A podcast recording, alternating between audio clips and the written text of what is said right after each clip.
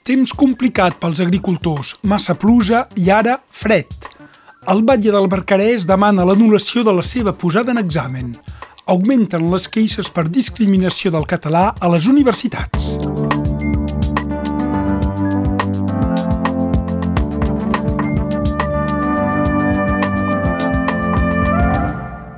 L'actualitat eh, d'avui Dijous 31 de març a Ràdio Arrels, bon dia. Els especialistes en arboricultura de la Cambra d'Agricultura de Perpinyà preocupats. La pluja tan esperada ha caigut finalment aquest mes de març. El problema és que ha plogut de forma massa seguida i en alguns casos no s'han pogut fer tots els tractaments necessaris. Els cultius en agricultura biològica podran ser particularment sensibles a diversos paràsits. La pluja també ha dificultat el treball de polinització de les abelles sobretot per diverses varietats de bricoters. La baixada de temperatures anunciada pels propers dies també és una font important de preocupació. Justament fins a les 4 de la tarda d'avui, Meteo France ha posat les muntanyes de Catalunya Nord en vigilància groga pel risc de llaus, amb el retorn d'una nova capa de neu que pot arribar fins a mig metre per sobre de 2.100 metres i un vent que crea acumulacions es poden produir a llaus espontanis i plaques de vent, sobretot eh, sota les carenes. Per la seva banda, el Servei Meteorològic de Catalunya alerta de fortes pluges durant tot el dia a les comarques del Baix Empordà el Gironès, la Selva i el Pla de l'Estany. Està previst que puguin anar acompanyades de calamarsa i en algun cas seran en forma de tempesta. La previsió del temps avui a Catalunya Nord, just després d'aquest informatiu, amb l'Enric Balaguer.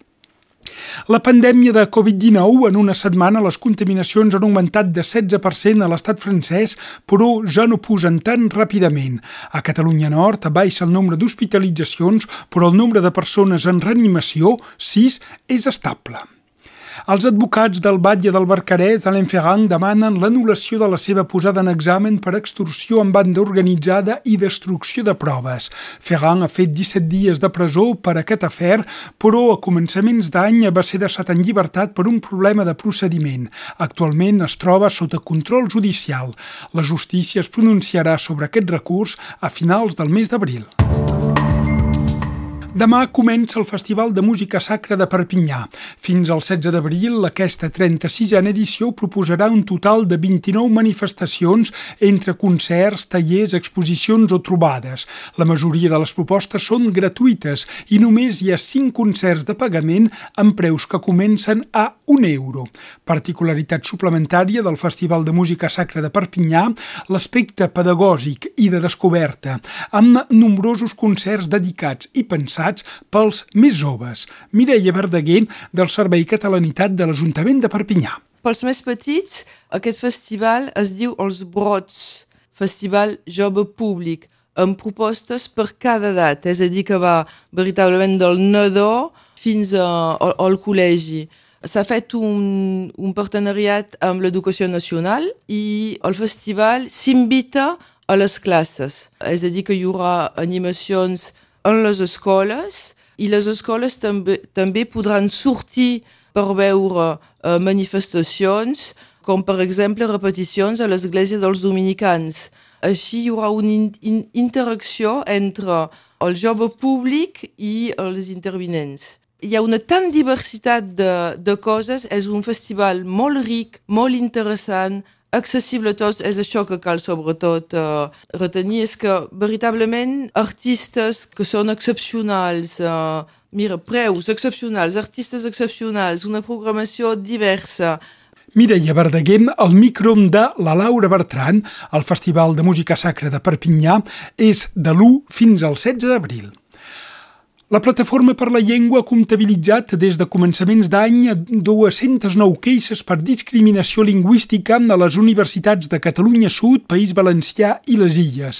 La primera anàlisi de la situació revela que el 58% de les queixes rebudes són per canvis de llengua d'una assignatura respecte de la llengua anunciada al pla docent i que el 24% respon a la manca d'oferta d'assignatures en català. A més, el 18% restant de queixes es deuen a vulneracions d'altres nostres drets lingüístics, des de professors que demanen als estudiants que facin els treballs en castellà perquè els és més fàcil corregir, fins a correus informatius que les universitats envien als estudiants només en castellà i anglès, passant també per professors que obliguen els estudiants a fer les presentacions orals en castellà. El Programa Alimentari Mundial de les Nacions Unides avisa que es veurà obligat a tallar totalment l'ajuda alimentària a països com el Iemen, en causa el bloqueig rus sobre les exportacions de cereals ucraïneses que castiga en primer lloc les regions més pobres del món.